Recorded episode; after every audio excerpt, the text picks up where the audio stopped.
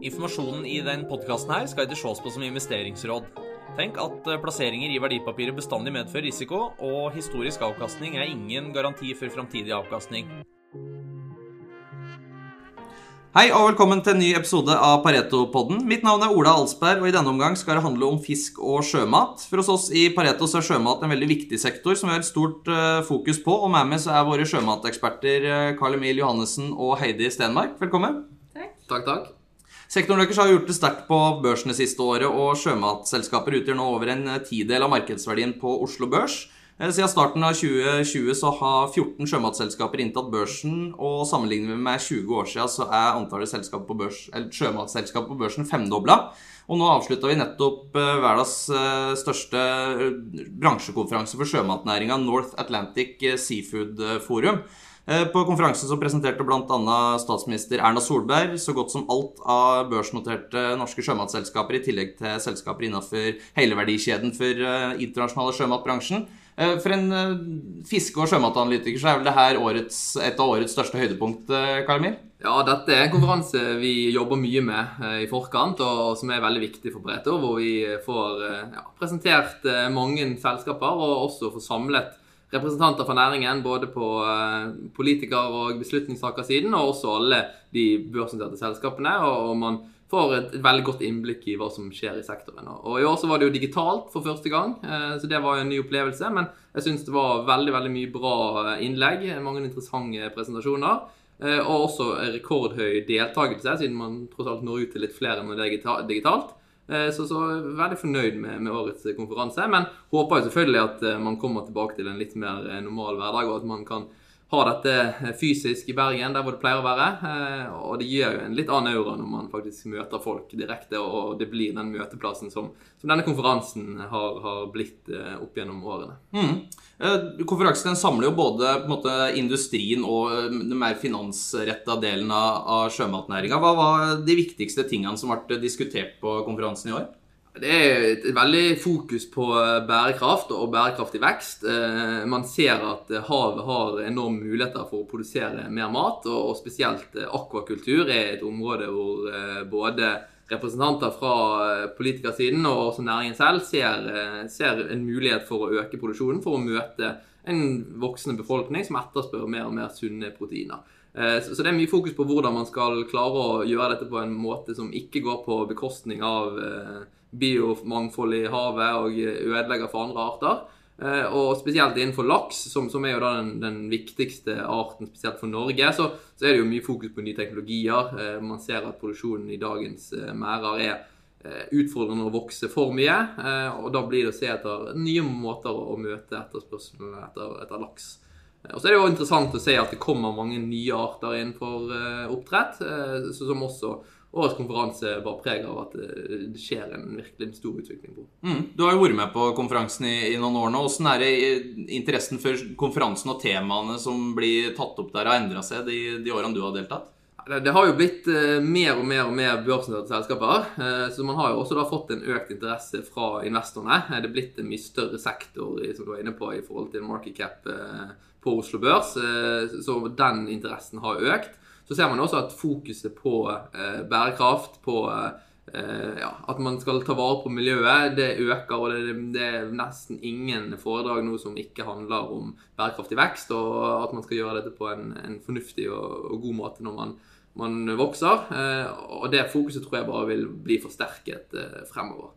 Og så er det også Eh, mer og mer anerkjennelse av at reguleringer av sektoren er viktig. Eh, dette er jo en konferanse hvor næringen møter eh, beslutningstakerne, altså i politikerne, eh, og man har en, en, veldig felles forståelse for at man ikke kan få lov å holde på helt eh, som man vil. Man, man må følge reguleringer som, som ja, Havforskningsinstituttet og diverse andre forskningsmiljøer eh, setter for, for næringen. Mm. Vi skal se oss litt tilbake her da, for, for, noen år siden så var jo sjømat mye mer nisjesektor på børsen enn der er i dag, eh, som utgjør eh, en ganske stor del av, av, Oslo Børs og blitt veldig mainstream. Åssen har, har, vi kommet dit? Hva er det som har skjedd? Eh, altså Det er jo hovedsakelig drevet av at laksesektoren er blitt en, en veldig mye mer innbringende sektor. Altså Man har hatt en, en, voldsom økning i eh, lakseprisen, som har gjort at selskapene tjener mye mer penger. Og dette er jo igjen drevet av at etterspørselen etter laks øker og øker og øker. Det er et fantastisk produkt som, som vi ser flere og flere får øynene opp for. Så har det vært vanskelig å få økt produksjonen på samme måte, så, så da har inntjeningen gått opp. Dette har gjort at uh, det har kommet flere lakseoppdrettere til børs, uh, fordi de også da ønsker penger for å prøve å vokse. Uh, og så har man også sett at nye teknologier, landbasert f.eks., tiltrekker seg kapital. og i det siste også da nye arter, som, som er jo et slags alternativ for, for laks for enkelte investorer. som har gjort at det totalt sett har bare blitt mange færre, flere selskaper. og, og at markedsverdien på, på, de ledende lakseselskapene har økt eh, fenomenalt siden eh, ja, sju år siden. Mm. For det er laks som er den store markeds, eh, markedsdriveren her. Og, og, for folk over hele verden spiser jo mer laks nå enn de gjorde før. Og, og sjøl i Norge, der vi er milevis langt foran andre land, så går jo fortsatt lakse, laksekonsumet opp. Åssen ser det etterspørselsbildet her ut?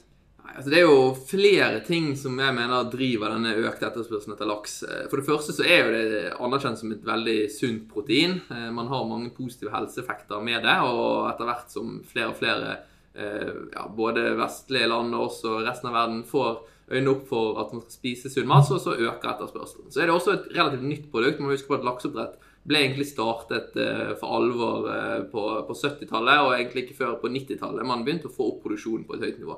Så på produktutviklingssiden så skjer det fortsatt mye, og man har fortsatt langt igjen før man er på sånn eh, kyllingnivå hva gjelder eh, å lage konsumvennlige produkter. Eh, men dette blir stadig, stadig bedre, og det tiltrekker seg jo da nye kunder over hele verden, også i de landene hvor man har hatt laks som et protein lenge. Mm. Men jeg tror at vi ser en, altså en del av en større megatrend der, med, med skiftende matvaner mot mer sjømat og som er mer klimavennlige proteinkilder?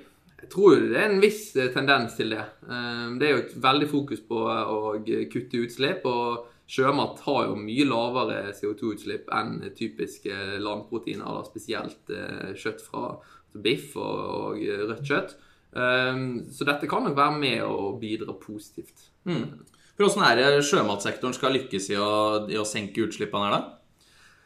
Nei, Det er jo eh, flere måte typer utslipp man snakker om. Eh, det ene er jo eh, på CO2-utslipp. Der er man jo en, en, veldig god proteinprodusent hva gjelder utslipp før man begynner å fly denne laksen rundt. Men der får man jo da et liten skår i gleden når man må fly laksen fersk til andre markeder. Så der er jo da f.eks. landbasert en, en måte. Og så er jo det utslipp i mer lokale miljøer. altså Det er rester av fiskefôr og avføring som går i fjordene, som, som også er et problem i enkelte områder. Eh, hvor vi ser ja, mer lukkede anlegg som er en teknologi som kan løse dette til en viss grad. Men også det å trekke merdene lenger ut i havet, sånn offshoreoppdrett, er jo en måte man kan, kan redusere den lokale påvirkningen. Mm. Um, så, så, det gjøres mye for, for bærekraften. Um, men uh, fortsatt er det jo mye som kan forbedres for at næringen skal bli skikkelig grønn, eh, som, som, man, som, man, jobber mot. Mm. Men det virker jo som at selskapene er veldig innstilt på å eh, bli flinkere? Ja, eh, og det ser man jo både i forhold til det de gjør, og også de planene de har. Og jeg tror man, hvis man sammenligner en, en årsrapport med, som ble publisert i, nå for 2020 med det som ble publisert for 10-15-20 år siden, så er det et helt annet detaljnivå på eh, oss, hva som skjer eh, i dag, og, og, hva som er ambisjonene fremover. Eh, og man ser jo at konsumentene de stiller strengere og strengere krav til hvordan maten blir produsert. Og dette må oppdretterne rett og slett gjøre noe med. Og, og vi ser at det investeres mye i å gjøre produksjonen mer bærekraftig. Og så er det jo også eh, viktig å fortelle den historien på hvordan dette her faktisk blir produsert. Eh, det er jo fortsatt en del myter som lever. Man, man, mange tror fortsatt at det brukes masse antibiotika og masse medisin eh, i lakseproduksjon i Norge, og det, det, gjør man jo ikke lenger. Eh, så, så, det er også en viktig del, eh, tror jeg, for sektoren å fortelle litt eh, det budskapet som, eh, som de faktisk sitter inne på. Mm. Og nå så kommer det en ny taksonomi fra EU også, som kanskje kan være med å styre litt hvor penga, hvor penga går hen. Du gjorde en litt større studie av lakseoppdrett i, i lys av taksonomien som kommer. Heidi, og du har en knapp på at, på at laksen får en, en tommel opp fra, fra EU. Ja, vi publiserte jo en rapport på dette i januar, var det vel. Eh, og det er jo fortsatt ikke inkludert eh, som en sektor i eh, EU-taksonomien. Eh, men vi tror jo, altså vi ser jo også på dette seminaret at det er så mye fokus på det. Og eh, målet med EU-taksonomien er jo å også få med sektorer som kan eh, ja, gjøre en positiv, ut, gå en positiv utvikling. Da. så vi, vi, tror absolutt at at lakseproduksjon, eller sjømat generelt, da, er veldig viktig for å nå de eh, klimamålene som er satt. Så det blir egentlig bare veldig spennende å se mm. hva som blir utviklingen der. Per nå så er det ikke noe nytt om sjømat i EU-taksonomien. Men landbasert ligger vel spesielt godt an her? Ja, og det er det jo, ser man jo også at det fokuseres veldig mye på i de eh, landbaserte presentasjonene. At det er veldig mye fokus på Eh, hvordan de eh, er bærekraftige, og hvordan de kan utnytte ressursene på best mulig måte. F.eks. Colombi Salmon snakker om å også begynne med noe som heter aquaponics, hvor de da skal produsere salat av, eh, av det restvannet, eller det resirkulerte vannet, som da har masse næringsstoffer i seg. det er snakk om sludge to fertilizer. Um, så ja, det er et veldig stort fokus på det blant de landbaserte oppdretterne, og de andre også, for så vidt. Mm. Det er fortsatt trad altså vanlig tradisjonelt oppdrett i merrer som, er, som utgjør egentlig nest, snart, nesten alt av markedet, ja. men landbasert er veldig på, på vei fram nå.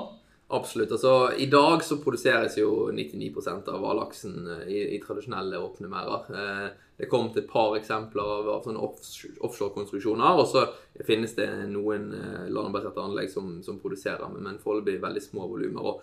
Eh, vi tror jo at dette vil være tilfellet også i, i, mange, mange, mange flere år. Eh, fordi at det tar lang tid å bygge disse landbaserte anleggene, og, og nye teknologier også krever reguleringer. Eh, myndighetene må på banen eh, for at man skal kunne få en virkelig vekst eh, offshore. og også eventuelt i, i lukkede anlegg, som, som, er en måte man kanskje kan vokse produksjonen på i Norge. Og, her er det mange hensyn man skal ta. Og vi tror jo også at det er mulig å øke produksjonen videre i sjøen. Man ser jo at nesten alle de børsnoterte store selskapene snakker om dette som heter postsmolt, som da er å produsere fisken større på land før du setter den i sjøen. Eh, og på denne måten kunne utnytte lisensene sine i sjøen litt bedre. Og forhåpentligvis også redusere da, lusepåslag og andre eh, sykdommer eh, ved at laksen står i et kontrollert miljø på, på land før den settes ut i, i sjøen, og får kortere tid i sjøen. Og, og, jeg tror at i de nærmeste liksom, fem til ti årene så er det jo disse typer investeringene som vil gi mest vekst. Eh, men så er det jo interessant å se at det jobbes eh, hardt, både blant de tradisjonelle selskapene og også blant nye selskaper, på å finne metoder som kan øke produksjonen enda mer eh, på lengre sikt. Og vi hadde jo da bl.a. syv landbaserte selskaper som, som, alle har ganske fremoverlente planer. Ja, de har jo planer om samlet produksjon på, eller årlig samlet produksjon på over 600 000 tonn. Eh, innen de ti neste årene. Og det tilsvarer ca. 20% av det 2020-produksjonen var. Så vi ser jo det som ganske usannsynlig, egentlig. Men vi, har, vi, tror jo på en eh, samlet produksjon av ca. 300 000 tonn da, fra landbasert mm. eh, innen de ti neste årene. Mm. Eh, så de har alle veldig store ekspansjonsplaner. Eh, og man ser at det popper opp eh, planer om over hele verden. Så det er jo veldig spennende å følge med på, da. Mm. Og for, nå var du litt inne på det med lakselus og, og litt utslipp og, og den, den, biten. Men hva er på en måte som er fordelene med landbasert eh, kontra tradisjonelt oppdrett? Altså, det, det, er jo flere måter å se på de fordelene på. Den ene store fordelen er jo det, liksom det miljømessige. At man ved å produsere på land, så vil man ikke ha noe utslipp eh, i havet. Verken hva gjelder fòrrester eller avføring, eller noe lakselus som igjen påvirker villaksen.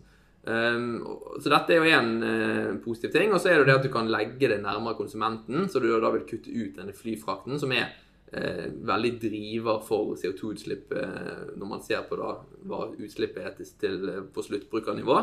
Så, så, det er jo på en måte de miljømessige aspektene. Men så er det jo også det at det rett og slett er utfordrende å finne plass for mer oppdrett med tradisjonelle teknologier. Det er hvis du ser på, på, kartet over hvor det ligger oppdrettsanlegg i Norge, så er det jo i stort sett alle fjorder, eh, helt fra eh, ja, Rogaland i sør til eh, Øst-Finnmark i, i, nord.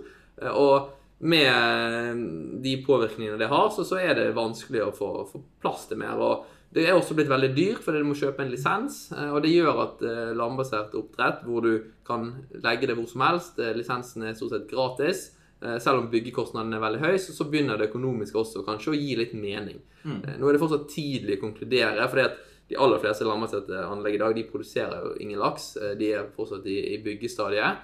Eh, Så både hva gjelder eh, investeringskostnadene per kilo, eh, vet man ikke helt. Man, man ser at eh, kanskje et sted rundt 200 kroner per kilo og litt lavere er der folk eh, forventer at det skal ende opp. Eh, som da er på linje egentlig med det man eh, nå må betale hvis man skal kjøpe lisenser for vekst i eh, tradisjonell oppdrett. Og Så vil jo man se på sikt hva de operasjonelle kostnadene blir. og Vi tror jo at fortsatt vil jo den tradisjonelle industrien ha de, de laveste kostnadene. Eh, fordi at man bruker mindre elektrisitet, eh, og det har mye mindre investeringskostnader som, som avskrives. Um, men her kan det nok skje også mye på, på landbasert, som, som gjør at de kan være mer konkurransedyktige på sikt. Mm. For når vi snakker om landbasert, så er det vel i hovedsak to teknologier man ofte ser går at det er ras eh, og, og gjennomstrømningsanlegg. Kan, kan vi si litt om liksom, hva, som, hva som skiller de to teknologihovedretningene eh, fra hverandre? Ja, altså du har jo I de fleste prosjektene som er der ute, benytter seg av såkalt eh, RAS-teknologi, eller Recirculation Aquaculture Systems, som det står for. Eh, dette er en eh, teknologi som krever lite vann, så du trenger ikke ha så mye vann tilgjengelig, for du gjenbruker 99,99% av vannet eh, hver gang du bytter ut vannet i tanken, som kanskje skjer hvert eh, 20. minutt. Eh, Og For å da kunne rense vannet og beholde en god vannkvalitet i tankene, så må du ha et såkalt biofilter, som egentlig er en bakteriekultur som, som spiser opp eh, en del av eh, det du vil ha ut av vannet. Eh, Og Dette gjør jo at du kan legge disse anleggene hvor som helst, men det gjør òg at du får nytt, en ny dimensjon som kan skape utfordringer i produksjonen. Eh, Så Derfor er det enkelte selskaper som har valgt å, å gå for en litt kallet, enklere teknologi, som er disse gjennomstrømningsanleggene, hvor du bytter ut veldig veldig mye mer av vannet, eh, gjerne opp mot 100% i hver eh, det utskiftningsrunde, eh, hvor du da ikke trenger et biofilter. Men da begrenser du også litt hvor du kan legge de, for da må du ha tilgang til veldig mye vann.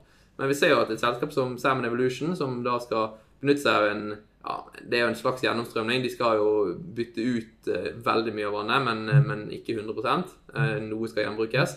De har jo nå gått i et samarbeid borte i Sør-Korea, og de ser at de kan sette opp et sånt anlegg også der.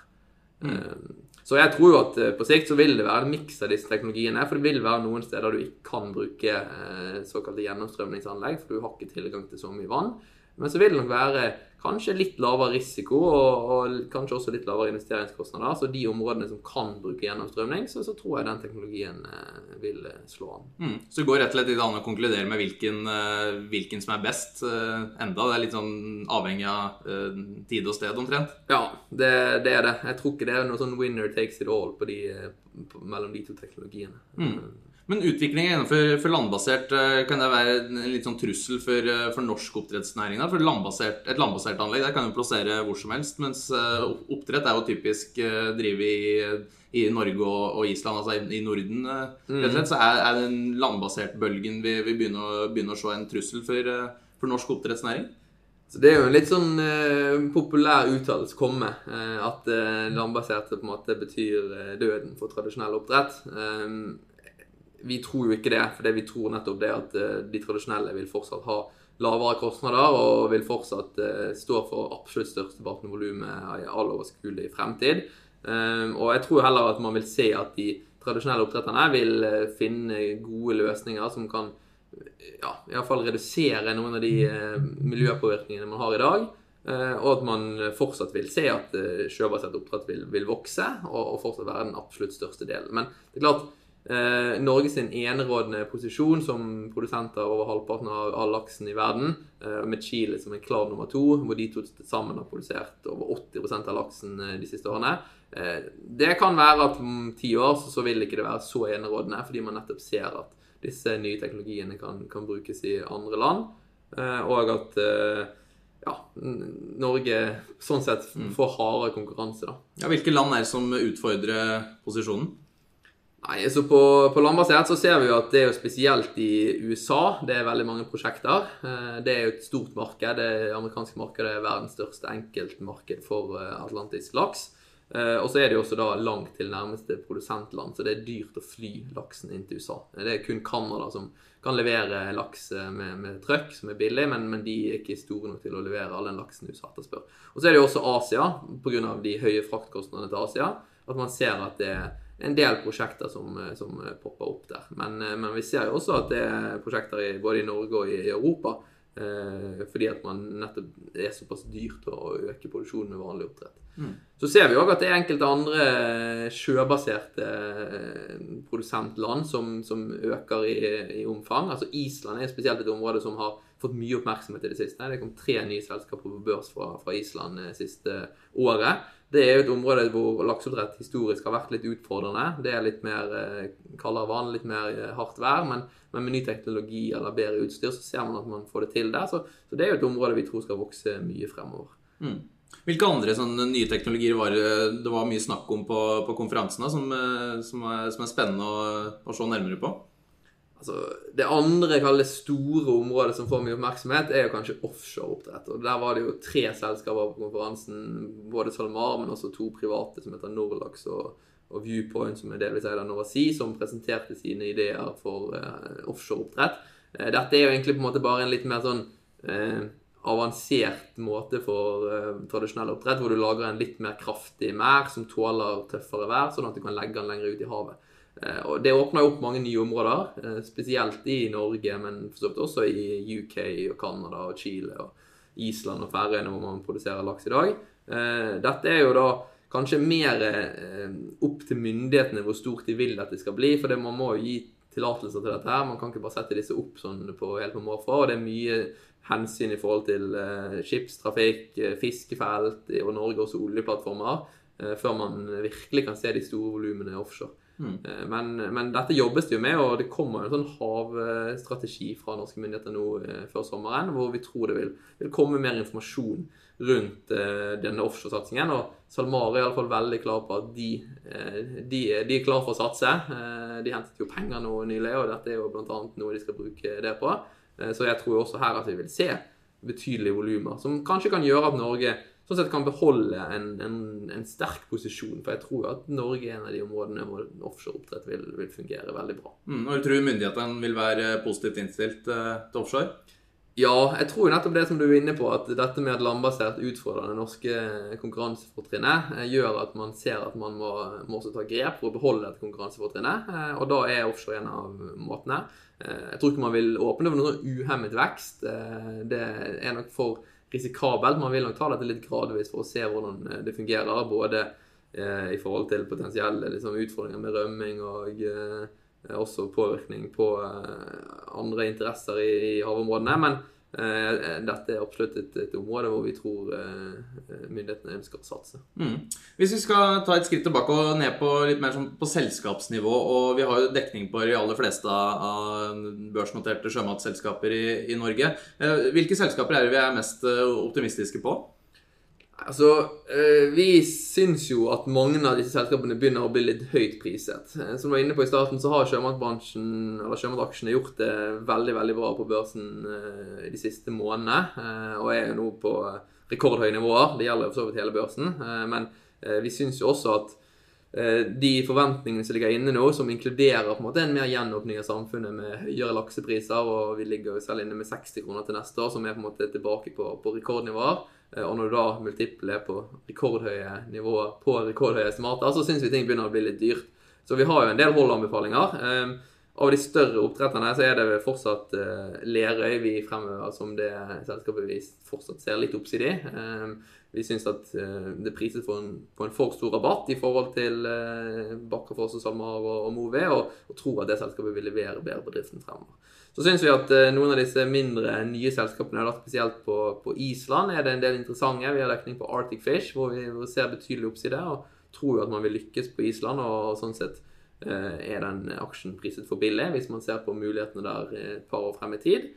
Og så er det da innenfor landbasert. Dekker vi mange selskaper. Og dette er jo mer risikable cases fordi at inntjeningen i dag er, lav, og det er kanskje en del år frem i tid før man skal faktisk produsere noe fisk. men hvis man lykkes med disse teknologiene og får produksjonskostnadene ned på, på der vi forventer de skal være, så, så er det betydelig oppside her. Og, og dette er jo på en måte mer vekstselskaper som kan øke sin produksjon mye mye mer. Og oppsiden er sånn sett mye høyere eh, hvis, hvis, man lykkes her. Så både Atlantic Sapphire, Salmon Evolution og Proximar er selskaper som vi eh, har kjøpsanbefalinger på. Hmm. Og på sektoren generelt også, du ser rett og slett dyrt det, er, Du får litt høydeskrekk? Ja, litt. Ehm, det er vel ikke bare i laksesektoren folk får det om dagen, men eh, det er det er veldig positive utsikter sant? med en gjenåpning av økonomien hvor flere skal ut og spise på restaurant, som er et viktig sted å spise laks. Så ser jo alle at etterspørselen trolig vil øke. og på tilbudssiden så eh, ja, det blir kanskje litt vekst fra Norge, men Chile kommer til å redusere sin produksjon de neste tolv månedene. Der er det vært litt biologiske utfordringer. og det er ikke så mye mer fisk i, i, sjøen som det var for et år siden. Og disse nye teknologiene vi har snakket om, de er fortsatt mange år frem i tid. Så i den nærmeste tiden så ser liksom alt veldig lyst ut. Men igjen, dette føler jo vi til en viss grad er priset inn i i alle fall de store selskapene. Mm. Ja, visst. Nei, men vi får begynne å runde av. Eh, Karl Emil eh, Johannessen og Heddy Stenmark, tusen takk for at dere kom i studio. Og, og alle analyser og selskaper omtalt kan naturligvis eh, ses og handles via oss i Pareto Securities. Vi takker for følget og på gjensyn. Hej! Det här är Matilda Karlsson från Pareto Securities i Stockholm. Vi har även en svensk podd och varje onsdag så kommer det ett nytt avsnitt där jag pratar med olika investerare och förvaltare. Så passa på att lära dig lite mer om den svenska aktiemarknaden och lyssna på Pareto Podcast i din podcastapp. Og så minner vi om at informasjonen i podkasten her ikke må ses på som investeringsråd. Eh, plasseringer i verdipapirer medfører til enhver tid risiko, og historisk avkastning er ingen garanti for framtidig avkastning.